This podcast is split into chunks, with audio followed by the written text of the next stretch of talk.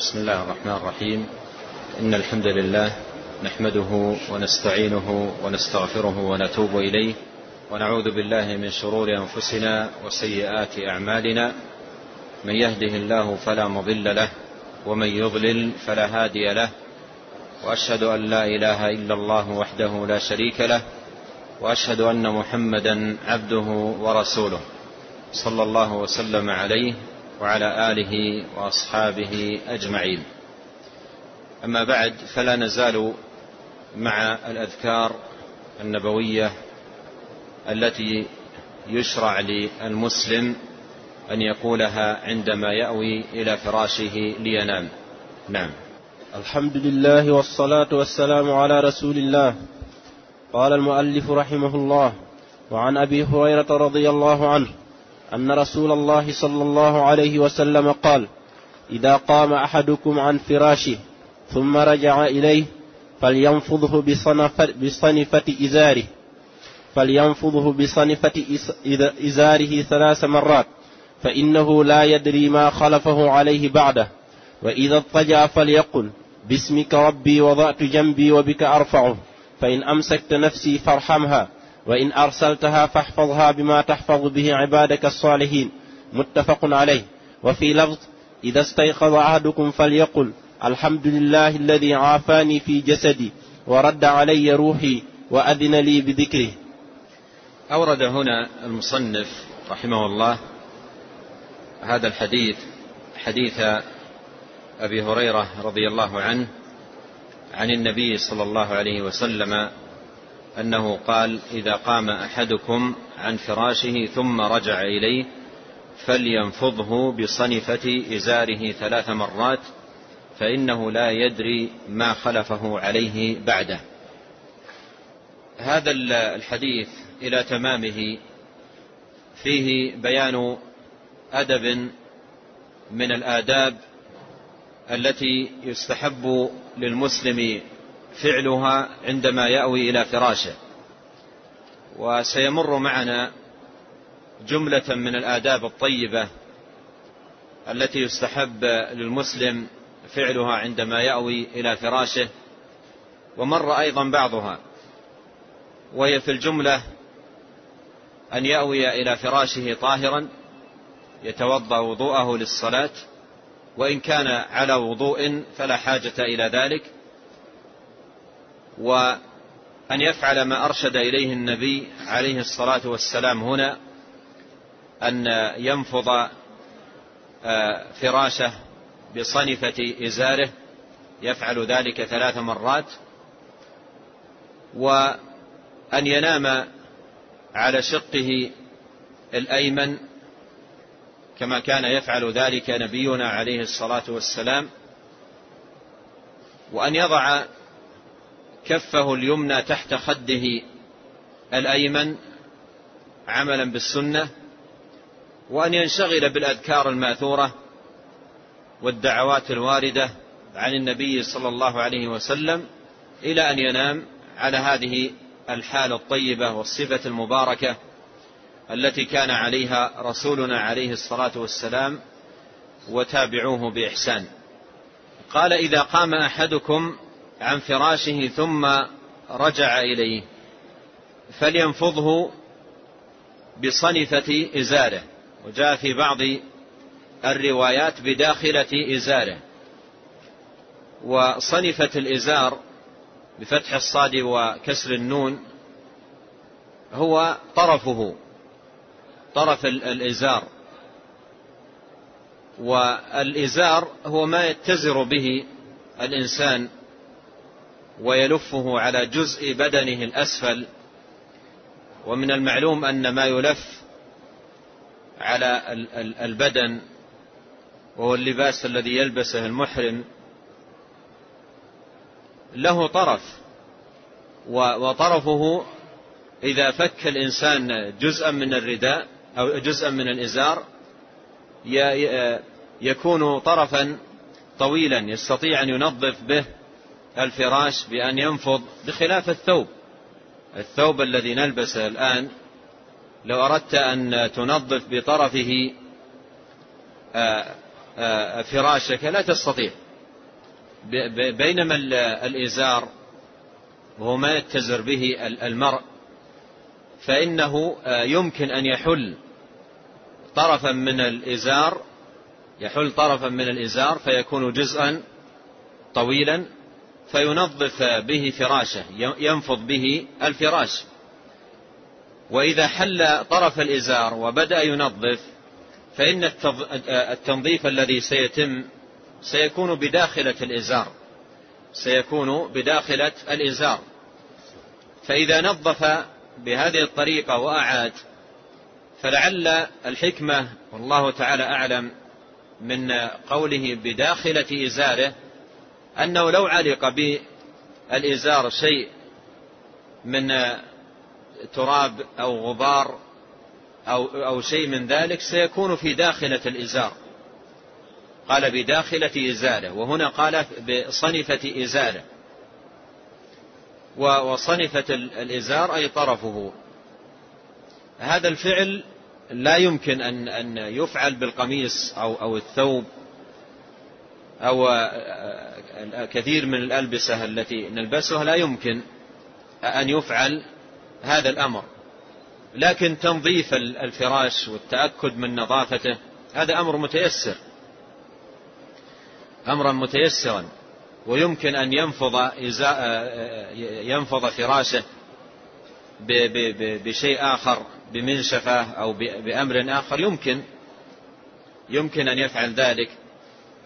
والنبي عليه الصلاة والسلام لما ذكر هذا الأمر بين العلة بين العلة فقال فإنه لا يدري ما يخلفه عليه بعده ما لا يدري ما يخلفه عليه بعده فقد يخلفه على فراشه هامة أو حشرة مؤذية أو حتى قدرا يعني أتربة أو مثلا طعاما شيئا من الطعام الذي ربما يكون سببا لاستجلاب الهوام أو, أو, أو الحشرات بسبب وجود الطعام على الفراش فرائحته تستجلب.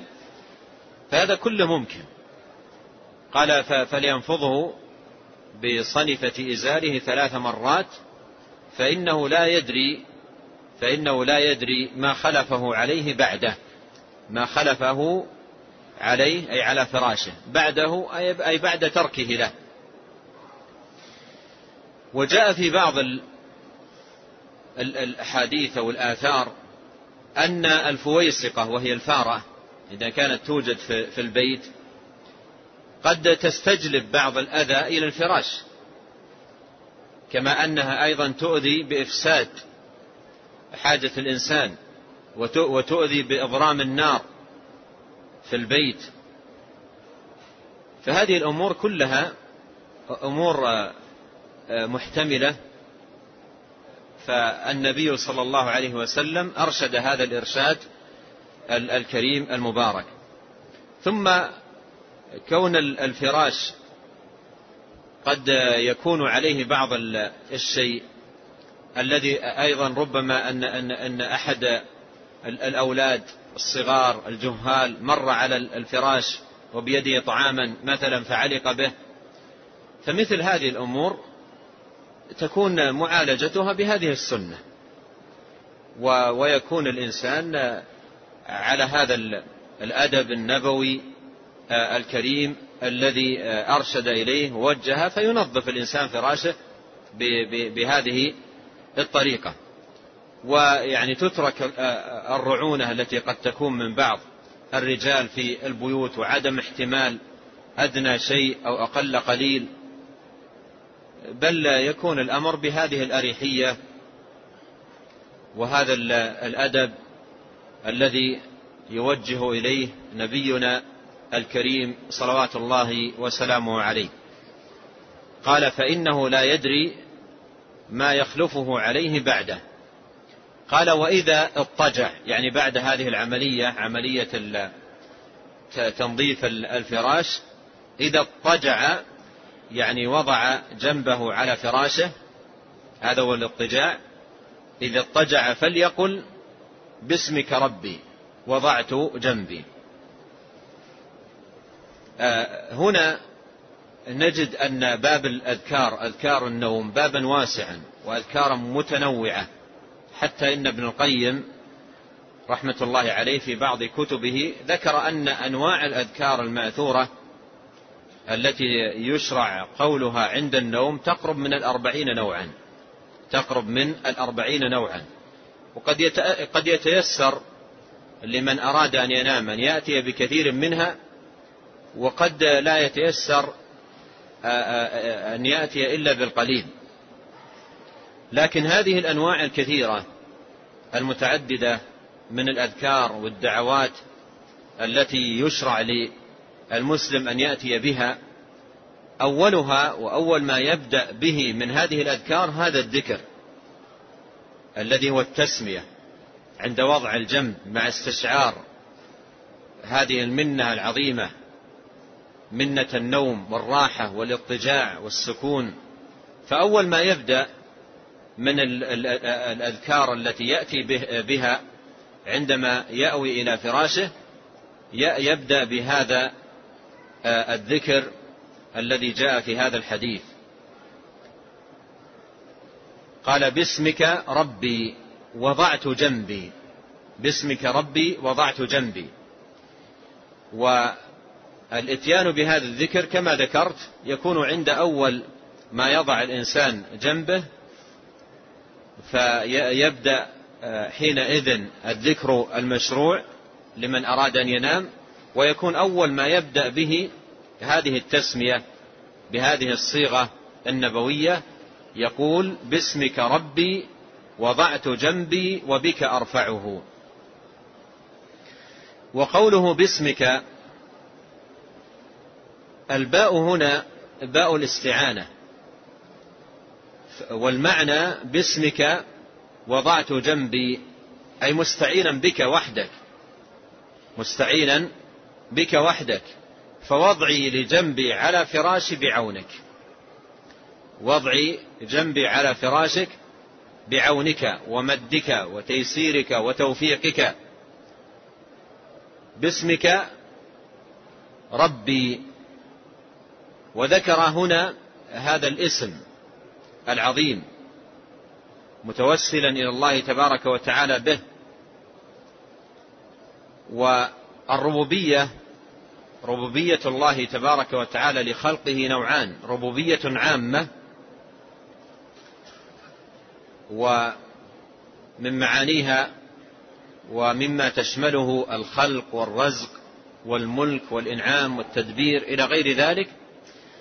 وربوبية خاصة أي بعباده المؤمنين وحزبه المتقين. وهذه تعني تربيتهم على الإيمان والهداية والاستقامة والمحافظة على طاعة الله تبارك وتعالى. وكثيرا ما تأتي دعوات الأنبياء بنداء الله سبحانه وتعالى بهذا الاسم ربي. كثيرا ما تأتي. وهذا توسل إلى الله عز وجل بهذه التربية الخاصة. تربية التوفيق والهداية والمن بالإسلام والاستقامة على طاعة الله تبارك وتعالى. قال باسمك ربي وضعت جنبي وضعت جنبي أي على الفراش. وهذا فيه إشارة إلى أن المسلم أول ما يضع جسمه على فراشه لينام الأولى به أن يكون وضعه لجنبه أن يكون وضعه لجسده على فراشه على جنبه ويكون أيضا على الجنب الأيمن كما جاءت بذلك السنة عن النبي عليه الصلاة والسلام. فأول ما ينام وأول ما يضطجع يضع جنبه الأيمن على الفراش. ولما يقول باسمك اللهم وضعت جنبي يكون تكون التسمية حينئذ مطابقة لحالة. تكون التسمية مطابقة لحالة. بينما لو أنه نام على قفاه أول ما ينام نام على قفاه وقال باسمك اللهم وضعت جنبي. لا تكون التسمية هنا مطابقة للحال. فالسنة أول ما ينام وأول ما يضع جسمه على فراشه أن يضع جسمه على الجنب الأيمن. ثم يسمي هذه التسمية. باسمك اللهم وضعت جنبي. فلا ينام على قفاه ولا ينام على جنبه الأيسر ولا ينام أيضا على بطنه وهي صورة في النوم منهي عنها نهى عنها النبي عليه الصلاة والسلام لا ينام على بطنه.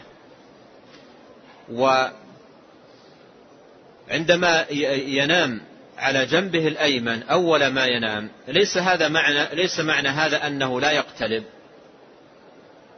ويستمر على الجنب الأيمن ليس هذا المراد. فإن بقي على هذه الحالة فهي أتم. وإن احتاج إلى أن يقتلب على قفاه أو على جنبه الأيسر فلا بأس بذلك. لا بأس بذلك ولا حرج. لكن الذي ينبغي هو المبادرة إلى هذه الصفة والبقاء عليها إلى أن يحتاج إلى تركها. إن نام على على هذه الهيئة فهو لا شك أنه أتم وأكمل وإن احتاج إلى الاقتلاب على الجنب الأيسر أو على ظهره فليفعل أما على بطنه فهذه صفة نهى عنها النبي صلوات الله وسلامه عليه. قال وبك أرفعه وبك أرفعه يعني بك أرفع جنبي وجسمي عن الفراش وأقوم لمصالحي وأعمالي وحاجاتي فكما أن نومتي بك فإن قومتي بك فأنت المعين وأنت الممد وأنت الموفق وأنت على كل شيء قدير. فالأمر لله تبارك وتعالى من قبل ومن بعد. وهذا كله طلب عون وكمال التجاء إلى الله سبحانه وتعالى. قال فإن أمسكت نفسي فارحمها وإن أرسلتها فاحفظها بما تحفظ به عبادك الصالحين.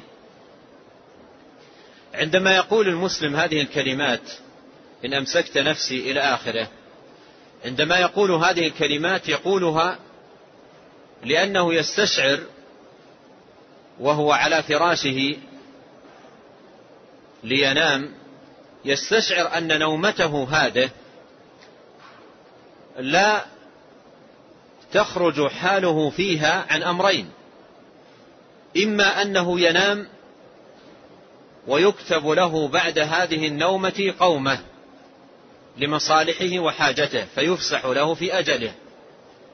وإما أن ينام وتكون هي النومة. وإما أن ينام فتكون هي النومة التي لا قومة بعدها إلا عند البعث.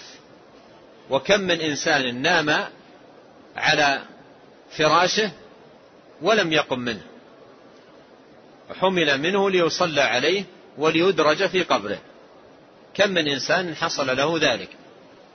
فالذي يأوي إلى فراشه يستشعر هذا الأمر. والله تعالى يقول الله يتوفى الأنفس حين موتها والتي لم تمت في منامها فيمسك التي قضى عليها الموت ويرسل الأخرى. وعرفنا قريبا أو في لقاء الأمس أن النوم أن النوم نفسه يعد موتا. يعد موتا ويذكر بالموت. ولهذا ناسب الإتيان بهذا الدعاء. قال فإن أمسكت نفسي فارحمها. يعني إن قبضت روحي.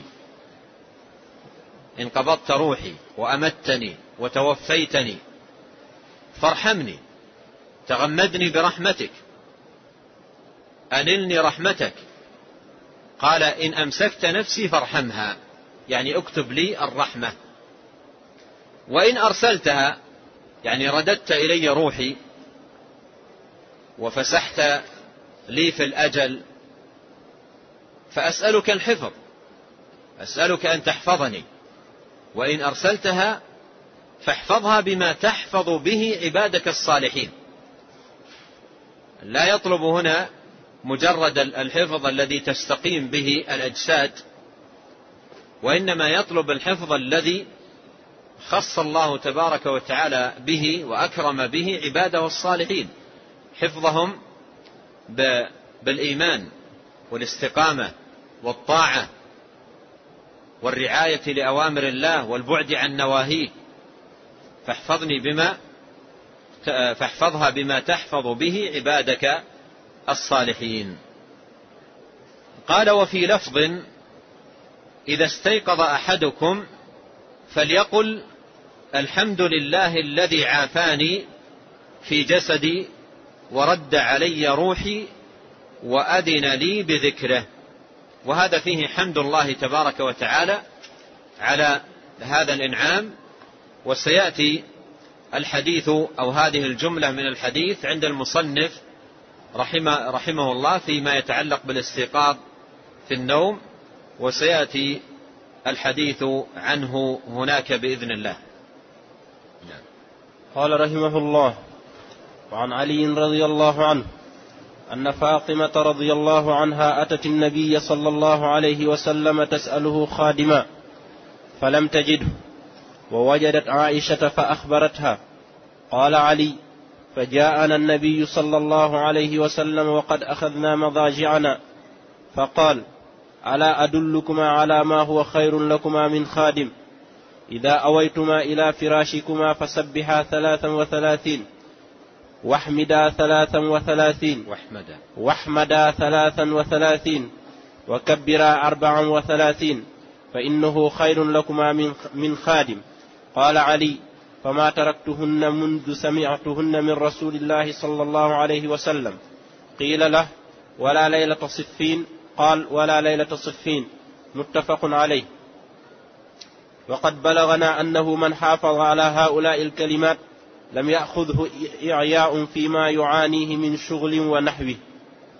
ثم أورد المصنف رحمه الله هذا الحديث حديث علي بن أبي طالب رضي الله عنه أن فاطمة بنت النبي صلى الله عليه وسلم رضي الله عنها أتت النبي صلى الله عليه وسلم تسأله خادما تسأله خادما. وقد جاء في رواية أخرى للحديث في سنن أبي داود وغيره وسندها فيها ضعف أنها أثرت فيها أعمال الخدمة في البيت فكانت تطحن بالرحى فأثرت في يدها وتحمل القربة فأثرت في نحرها وتنظف البيت فاغبر جسمها وملابسها. فتعبت من من هذه المعاناة ومن هذه الأعمال المجهدة الشاقة. فشعرت بالحاجة إلى إلى إلى خادم. شعرت بالحاجة إلى خادم. والخادم يطلق على الذكر وعلى الأنثى. الخادم يطلق على الذكر وعلى الأنثى. يقال للمرأة خادم كما أنه يقال للرجل خادم. فلما تعبت وحصل لها المعاناة من هذه الأعمال أتت النبي صلى الله عليه وسلم وهو والدها عليه الصلاة والسلام أتت إليه تسأله خادما. تسأله خادما أي تطلب منه أن يساعدها بأن يعطيها خادما أي امرأة تخدمها وتساعدها في الخدمة وفي أعمالها. فلم تجده. يعني لما ذهبت إليه في البيت لم تجد النبي عليه الصلاة والسلام. ووجدت عائشة فأخبرتها. أوجد وجدت أم المؤمنين عائشة رضي الله عنها فأخبرتها أي أخبرتها بما جاءت لأجله. وبالشيء الذي تحتاجه. طلبت منها أن تبلغ النبي عليه الصلاة والسلام بحاجتها والأمر الذي جاءت لأجله. فأخبرتها أي أخبرتها بأنها جاءت إلى النبي عليه الصلاة والسلام لتسأله خادما. رجعت إلى بيتها فاطمة. قال علي فجاءنا النبي صلى الله عليه وسلم. فجاءنا النبي صلى الله عليه وسلم. أي أن النبي عليه الصلاة والسلام لما رجع إلى بيته أعلمته أم المؤمنين عائشة رضي الله عنها بمجيء آه، ابنته فاطمة إليه تنشد وتطلب خادما. فما كان منه عليه الصلاة والسلام إلا أن ذهب إليها مباشرة في بيتها. إلا أن ذهب إليها مباشرة في بيتها.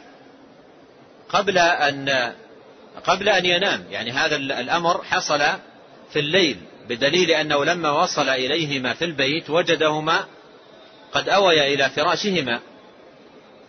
أويا إلى فراشهما ليناما. فالنبي عليه الصلاة والسلام ما أن سمع بمجيئها وطلبها لهذا الأمر إلا وذهب مباشرة إليها في البيت. قال إن هذا الذي كان عليه النبي عليه الصلاة والسلام من كمال الخلق وحسن الملاطفة وتمام الرعاية للأهل والولد والعناية بهم وحال كثير من الناس في مثل هذا المقام في مثل هذا المقام. أما قضية الذهاب إلى البيت مباشرة فهذه من أضعف الاحتمالات التي تقع. من أضعف خاصة إذا رجع الإنسان إلى بيته مكدودا متعبا. من أضعف الاحتمالات أنه يذهب في, في الوقت نفسه إلى ابنته لينظر في في حاجتها. وربما أنه سيقول أن الحاجة لها الحاجة لها والأمر يخصها ومتى آه، احتاجت إلى الأمر تأتيني وتتكلم معي. تتكلم معي. هذا إن لم يعنف هذا المجيء ويغضب على مجيئها ويلومها عليه فالأخلاق متفاوتة. لكن نبينا عليه الصلاة والسلام أوتي كمال الخلق وكمال الأدب وحسن المعاشرة وتمام القيام بأخلاق الإسلام وآدابه كما وصفه الله جل وعلا بأنه إنك لعلى خلق عظيم. فأخلاقه كانت عالية وعظيمة ورفيعة جدا صلوات الله وسلامه عليه. قال فجاءنا النبي صلى الله عليه وسلم وقد أخذنا مضاجعنا. يعني هو هو وفاطمة كل منهما أوى إلى فراشه للنوم أخذنا مضاجعنا. فقال ألا أدلكما على ما هو خير لكما من خادم؟ ألا أدلكما على ما هو خير لكما من خادم؟ هو جاء هو جاء للمسألة التي جاءت لأجلها فاطمة. جاءها في البيت للمسألة التي جاءت لأجلها فاطمة. وهذا فيه من الأدب الوقوف مع الولد والأهل فيما يعانيه من مشكلة بالرأي بالتوجيه بالنصح بالتسديد بالمساعدة. فجاء عليه الصلاة والسلام إليهما وقد أويا إلى فراشهما ووقف معهما في هذا الأمر. وقال عليه الصلاة والسلام ألا أدلكما على ما هو خير لكما من خادم؟ وتأمل هنا كمال التوجيه وحسن البيان. لم يقل عليه الصلاة والسلام مباشرة إن قولكما سبحان الله إلى آخره خير لكما من خادم. لم يقل هذا. وإنما طرح هذا السؤال التشويقي هما الآن بحاجة ماسة وشديدة إلى خادم وشديدة إلى خادم فجاء بهذه الكلمة ألا أخبركما بما أو ألا أدلكما بما هو خير لكما من خادم؟ لا شك أن القلوب هنا تستعد وتتوق و و و وتتشوف لسماع هذا الأمر. فقال ألا أدلكما على ما هو خير لكما من خادم إذا أويتما إلى فراشكما. إذا أويتما إلى فراشكما. فسبح ثلاثا وثلاثين واحمد ثلاثا وثلاثين وكبر أربعا وثلاثين. فيكون المجموع مئة. يكون المجموع مئة. فإنه خير لكما من خادم. فإنه خير لكما من خادم. هنا يحسن بك أن تلاحظ أمرا مهما ألا وهو أن فاطمة تطلب خادما والنبي صلى الله عليه وسلم يرشدها إلى ذكر هو خير لها منه.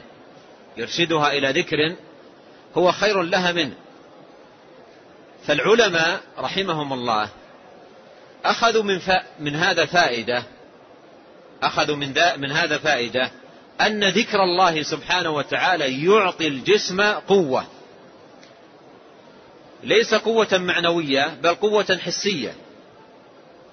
لأنها تطلب خادما. تطلب خادما تساعدها في أعمال المنزل وأشغال البيت. فقال ألا أدلكما على ما هو خير لكما من خادم؟ فقال تسبحان ثلاثا وثلاثين تحمدان ثلاثا وثلاثين تكبران ثلاثا وثلاثين. هذا بديل. بديل بديل للخادم وهو خير منه. بديل للخادم وهو خير منه. فأخذ العلماء من هذا أن ذكر الله تبارك وتعالى يعطي الجسم قوة يعطيه نشاطا. فيمارس أعماله ومصالحه بنشاط وقوة. أقوى مما لو لو كان يمارسها بدون ذكر الله تبارك وتعالى. ولأجل هذا قال شيخ الإسلام عقب هذا الحديث قال وقد بلغنا أنه من حافظ على هؤلاء الكلمات لم يأخذه إعياء فيما يعانيه من شغل ونحوه. فيما يعانيه من شغل ونحوه. يعني أن أن أنه يصبح عند جسمه احتمال للأعمال والأشغال أكثر فيعطي الجسم قوة. ومن هذا ما ذكره ابن القيم رحمه الله عن شيخ الإسلام ابن تيمية أنه كان يجلس آه، في المسجد إذا صلى الصبح حتى الضحى يذكر الله تبارك وتعالى. يقول فقلت له مرة في هذا فقال لو لم أفعل ذلك لخارت قواي لو لم أفعل ذلك لخارت قواي قال هذا قوتي. لو لم أفعله لخارت قواي يعني ضعف بدني. وهذا يفسر لكم حال كثير من الصلحاء ومن سيماهم التقوى والمحافظة على طاعة الله تبارك وتعالى تجده يتقدم إلى المساجد وإلى بيوت الله تبارك وتعالى مبكرا وإن رأيت جسمه وبدنه فإن فإن جسمه في في نظرك لا يحمله لشدة ضعفه لشدة ضعف البدن فتجد البدن ضعيف جدا. وتجده من آه، كبر سنه وكونه طاعنا في السن احدودب احدودب حودبة شديدة وانحنى ظهره ومع ذلك يقطع مسافات طويلة ويقف. فهذا كله من آثار العبادة ومن آثار الذكر لله تبارك وتعالى والمحافظة عليه. فالله عز وجل يمد جسم الذاكر بقوة ونشاط ويحفظ له جسمه مثل ما قال بعض السلف قال هذه أعضاء حفظناها في الصغر فحفظها الله لنا في الكبر. فالشاهد أن حفظ الأذكار والعناية بالطاعة عموما فيه حفظ للجسم وفيه قوة للبدن وفيه نشاط. إلى غير ذلك من الفوائد العظيمة والآثار المباركة. قال فإنه خير لكما من خادم. قال علي فما تركتهن منذ سمعتهن من رسول الله صلى الله عليه وسلم. وهذا فيه حرص السلف رحمهم الله على الخير ورعايتهم وعنايتهم به وعدم تفريطهم فيه. فعلي رضي الله عنه منذ سمع هذه الكلمات المباركات من النبي عليه الصلاة والسلام ما تركهن. يعني حافظ عليهن محافظة تامة. فأحد الحاضرين شدته هذه الكلمة ما تركتهن منذ سمعتهن من رسول الله صلى الله عليه وسلم. فأخذ يتذكر موقفا من المواقف الشديدة والليالي الشديدة التي مرت بعلي رضي الله عنه في لياليه. فجاء في ذهنه ليلة صفين. جاء في ذهنه ليلة صفين. وهي الليلة التي دارت فيها المعركة بينه وبين أهل الشام. معركة شديدة دارت بينه وبين أهل الشام في صفين وهي منطقة قريبة من الفرات. فالسائل ورد في ذهنه تلك الليلة وهي ليلة تعتبر شديدة. وصعبة بالنسبة لعلي بن أبي طالب رضي الله عنه. فقال فما قال علي فما تركتهن منذ سمعتهن من رسول الله صلى الله عليه وسلم؟ فقال له رجل ولا ليلة صفين. ولا ليلة يعني تلك الليلة المعروفة التي حصل فيها حتى تلك الليلة قال ولا ليلة صفين. ومن المعروف أن الإنسان عندما يمر عليه موقفا صعبا أو أمرا شديدا يذهله عن معتاداته ومألوفاته. يذهله. فيذهل. بعض الناس بعض المواقف تذهله عن الصلاة المفروضة. بعض المواقف تذهله عن الصلاة المفروضة مع أن الصلاة المفروضة يحافظ عليها في أحلك الظروف وأشدها وفي مجابهة الأعداء تصلى في وقتها ولا تضيع. ومع ذلك بعض الناس قد تذهله فهذا ذكر مبارك لم يذهل علي عنه رضي الله عنه حتى في تلك الليلة. فقال له قائل ولا ليلة صفين؟ قال ولا ليلة صفين. وهذا فيه دلالة على شدة عناية السلف رحمهم الله بالأذكار واهتمامهم بها ومواظبتهم عليها طلبا للخير والبركة والتوفيق والتسديد. والثمار العظيمة التي ينالها الذاكر. قال رحمه الله وعن حفصة أم المؤمنين رضي الله عنها أن النبي صلى الله عليه وسلم كان إذا أراد أن يرقد وضع يده اليمنى تحت خده ثم يقول اللهم قني عذابك يوم تبعث عبادك ثلاث مرات. خرجه أبو داود. وقال الترمذي حديث حسن صحيح. ورواه من طريق حذيفة رضي الله عنه. ثم أورد ثم أورد المصنف رحمه الله حديث حفصة أم المؤمنين رضي الله عنها وهو يروى عن عن حفصة وعن حذيفة وعن البراء. تقول حفصة أن النبي صلى الله عليه وسلم كان إذا أراد أن يرقد كان إذا أراد أن يرقد أي أن ينام وضع يده اليمنى تحت خده. وضع يده اليمنى تحت خده. وهذا كما قدمت من جملة الآداب التي يجمل ويحسن بالمسلم أن يفعلها. وأعيدها ثانية. أن يأوي إلى فراشه على طهارة. هذا الأدب الأول. وأن يضطجع على شقه وقبل ذلك أن ينفض آه، فراشه. هذا الأدب الثاني. الأدب الثالث أن يضطجع على شقه الأيمن. والأدب الرابع أن يضع آه، كفه اليمنى تحت خده الأيمن. والأمر الخامس أن يشتغل بالذكر بادئا بالتسمية. باسمك اللهم وضعت جنبي. ويشتغل بذكر الله تبارك وتعالى إلى أن ينام على هذه الحال العظيمة المباركة.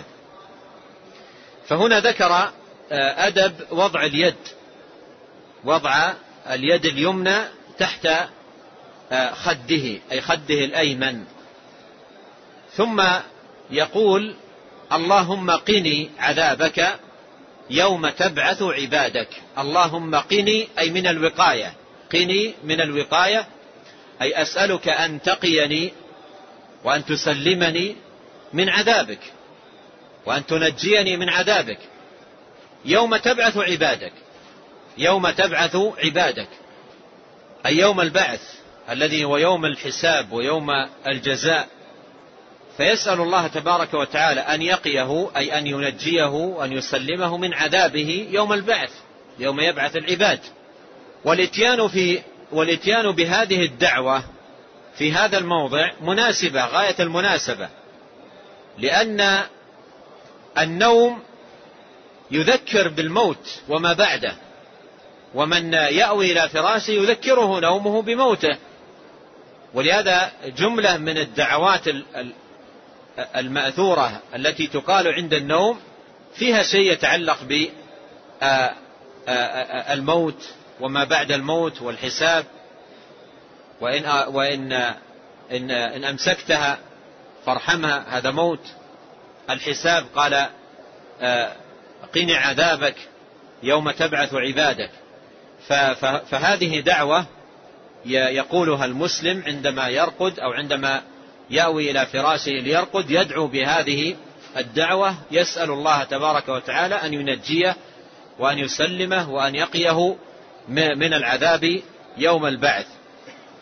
قوله ثلاث مرات نبه المحقق رحمه الله إلى أنها ليست ثابتة وإنما الحديث ثابت بدون هذه الزيادة. نعم. قال رحمه الله وعن أنس رضي الله عنه أن النبي صلى الله عليه وسلم كان إذا أوى إلى فراشه قال الحمد لله الذي أطعمنا وسقانا وكفانا وآوانا. فكم ممن لا كافي له ولا مؤوي. خرجه مسلم.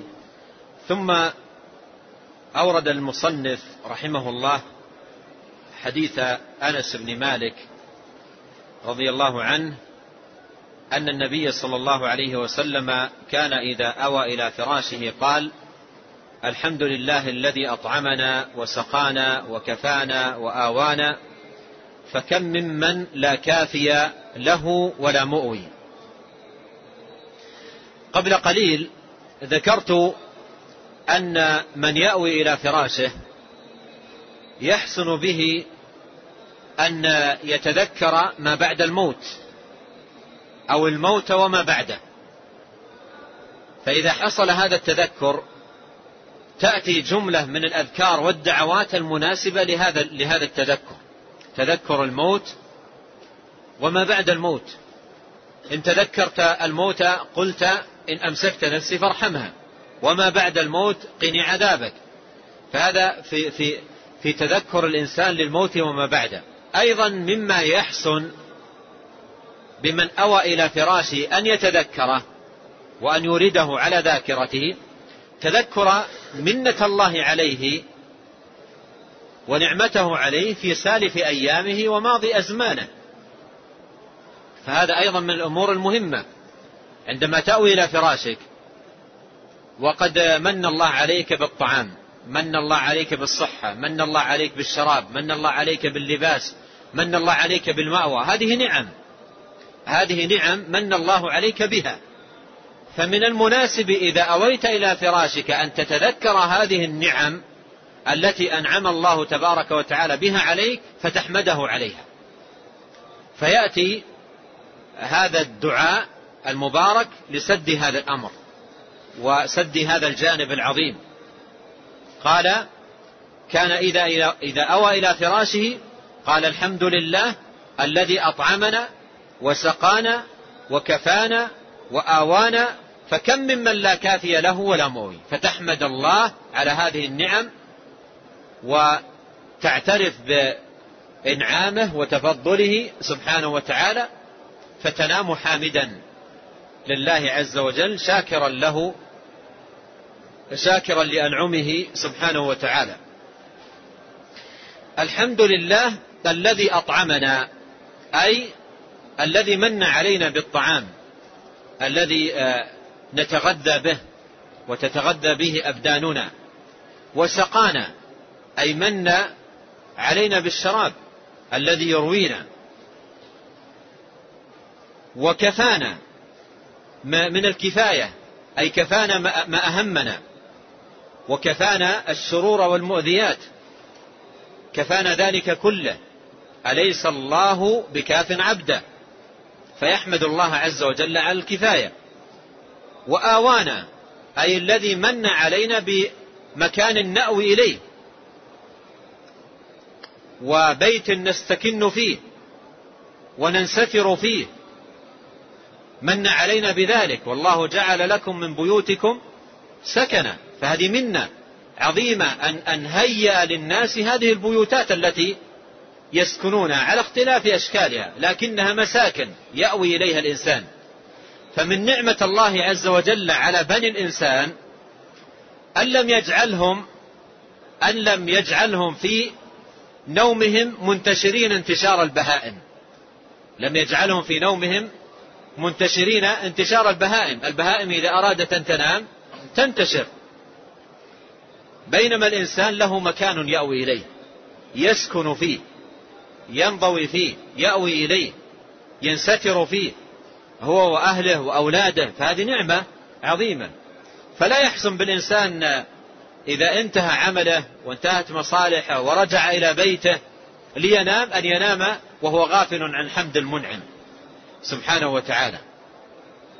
فجاء هذا الحمد ليسد هذا الأمر العظيم. والله سبحانه وتعالى يرضى عن عبده. إذا أكل الأكلة فحمده عليها وشرب الشربة فحمده عليها. فهذا من موجبات نيل رضا الله سبحانه وتعالى. قال فكم ممن فكم ممن لا كافي له ولا مؤوي.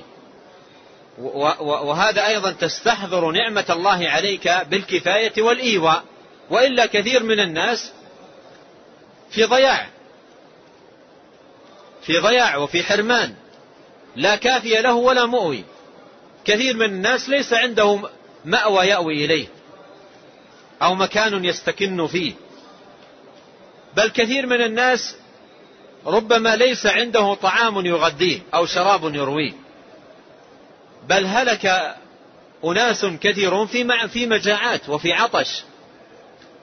وأنت عندك الطعام وعندك الغذاء وعندك الشراب وعندك المسكن وكلها نعم. أنعم الله تبارك وتعالى بها عليك. والحمد والشكر حمد الله تبارك وتعالى وشكره على نعمه سبحانه وتعالى من أسباب قرار النعم وبقائها. وعدم الحمد والشكر من أسباب زوالها. كما قال الله سبحانه وتعالى وإذ تأذن ربكم لئن شكرتم لأزيدنكم ولئن كفرتم إن عذابي لشديد. ولهذا قيل إن النعمة إذا شكرت قرت وإذا كفرت فرت. يعني ذهبت عن صاحبها. وأيضا يقال عن الشكر يقال عنه الجالب والحافظ لأنه يجلب النعم المفقودة ويحفظ النعم الموجودة. فالحمد والشكر خير للإنسان فهو جلاب للنعم حافظ لها مبقي لها سبب لقرارها. فجاء هذا الحديث ليسد هذا الأمر العظيم بحيث أن أن ينام الإنسان حامدا لله. وأيضا من نوم الإنسان على حمد الله تبارك وتعالى حمده لله ثلاثين مرة كما تقدم معنا في حديث علي. حمده لله ثلاثا وثلاثين مرة كما تقدم معنا في حديث علي. فينام حامدا لله تبارك وتعالى. قال رحمه الله وعن ابن عمر رضي الله عنهما أنه أمر رجلا إذا أخذ مدجعه أن يقول اللهم أنت خلقت نفسي وأنت تتوفاها لك مماتها ومحياها إن أحييتها فاحفظها وإن أمتها فاغفر لها اللهم إني أسألك العافية. قال ابن عمر سمعته من رسول الله صلى الله عليه وسلم خرجه مسلم. ثم أورد المصنف حديث ابن عمر رضي الله عنهما أنه أمر رجلا أمر رجلا إذا أخذ مضجعه أن يقول يعني وجهه ودله. وهذا فيه اهتمام الصحابة ببيان الأذكار اهتمام الصحابة رضي الله عنهم ببيان الأذكار وتعليمها للناس وتوجيههم للمحافظة عليها والعناية بها. وهذا من نصح الصحابة رضي الله عنهم. وفي هذا من الفائدة أن من أكرمه الله سبحانه وتعالى بتعلم الأذكار والدعاء وعرفها وحافظ عليها أن يعلمها غيره. أنت الآن لو لو تفكرت بنعمة الله سبحانه وتعالى عليك بتعلم الأذكار ثم نظرت إلى الناس الذين حولك في البلد تجد أن كثيرا منهم يجهلها. يجهلها. فلا تبخل عليهم وليكن نهجك نهج الصحابة. علمهم. وقد قال عليه الصلاة والسلام الدال على الخير كفاعله. الدال على الخير كفاعله. ولهذا كثيرا ما أقول للإخوان إن من أحسن الهدايا التي يحملها الزائر أو الحاج أو المعتمر إلى أهل بلده هذه العلوم النافعة. الأذكار والأحاديث أحاديث النبي عليه الصلاة والسلام والعلم النافع. وقد كان الصحابة رضي الله عنهم يتهادون مسائل العلم. يتهادون مسائل العلم. يلقى أحدهم أخاه فيقول له ألا أهدي لك هدية؟ ألا أهدي لك هدية؟ فيقول بلى أهدني. فيقول سمعت رسول الله صلى الله عليه وسلم يقول كذا يهديه حديثا. يتهادون مسائل العلم. ولهذا من الأمور الطيبة والجميلة بالزائر والمعتمر والحاج إذا رجع إلى إلى بلده أن يأخذ الكتب المفيدة ولا يأخذ أي كتاب وإنما يأخذ الكتب المفيدة المشتملة على السنة وعلى أحاديث النبي عليه الصلاة والسلام وعلى تعليم الناس السنة والتوحيد والاعتقاد الصحيح وتعليم الناس الذكر والدعاء ونحو ذلك هذا الذي كان عليه الصحابة آه، رضي الله عنهم وأرضاهم وكان عليه تابعوهم بإحسان. فها هو ابن عمر رضي الله عنه يأمر رجلا أن آه، يقول هذه الدعوات إذا أخذ مضجعه أن يقول اللهم أنت خلقت نفسي وأنت تتوفاها لك مماتها ومحياها. اللهم أنت خلقت نفسي. وأنت توفاها هذا الإقرار بالتوفي والإحياء وأنه لله وبيد الله سبحانه وتعالى جاء مقدمة بين يدي سؤاله ومطلوبه وحاجته. فهو أولا يقر إلى الله يقر لله تبارك وتعالى بأن الأمور بيده. أنت خلقت نفسي أي أنت الذي أوجدت نفسي من العدم. وخلقتني بعد, بعد أن لم أكن. هل أتى على الإنسان حين من الدهر لم يكن شيئا مذكورا. إنا خلقنا الإنسان من نطفة أمشاج نبتليه فجعلناه سميعا بصيرا. فهو يقر ويعترف لله تبارك وتعالى بأنه هو الذي خلقه وأوجده من العدم. أنت أي يا الله خلقت نفسي. أي أنت الذي أوجدتني من العدم. وأنت أي يا الله تتوفاها أي تميتها متى, متى شئت. فموتي وقبض روحي ومفارقتي لهذه الحياة بأمر بيدك. أمر بيدك. وأجل أمره إليك. وأنت توفاها أي متى شئت. فالأمر إليك يا الله. أنت خلقت نفسي وأنت توفاها لك مماتها ومحياها. موتي لك وحياتي لك.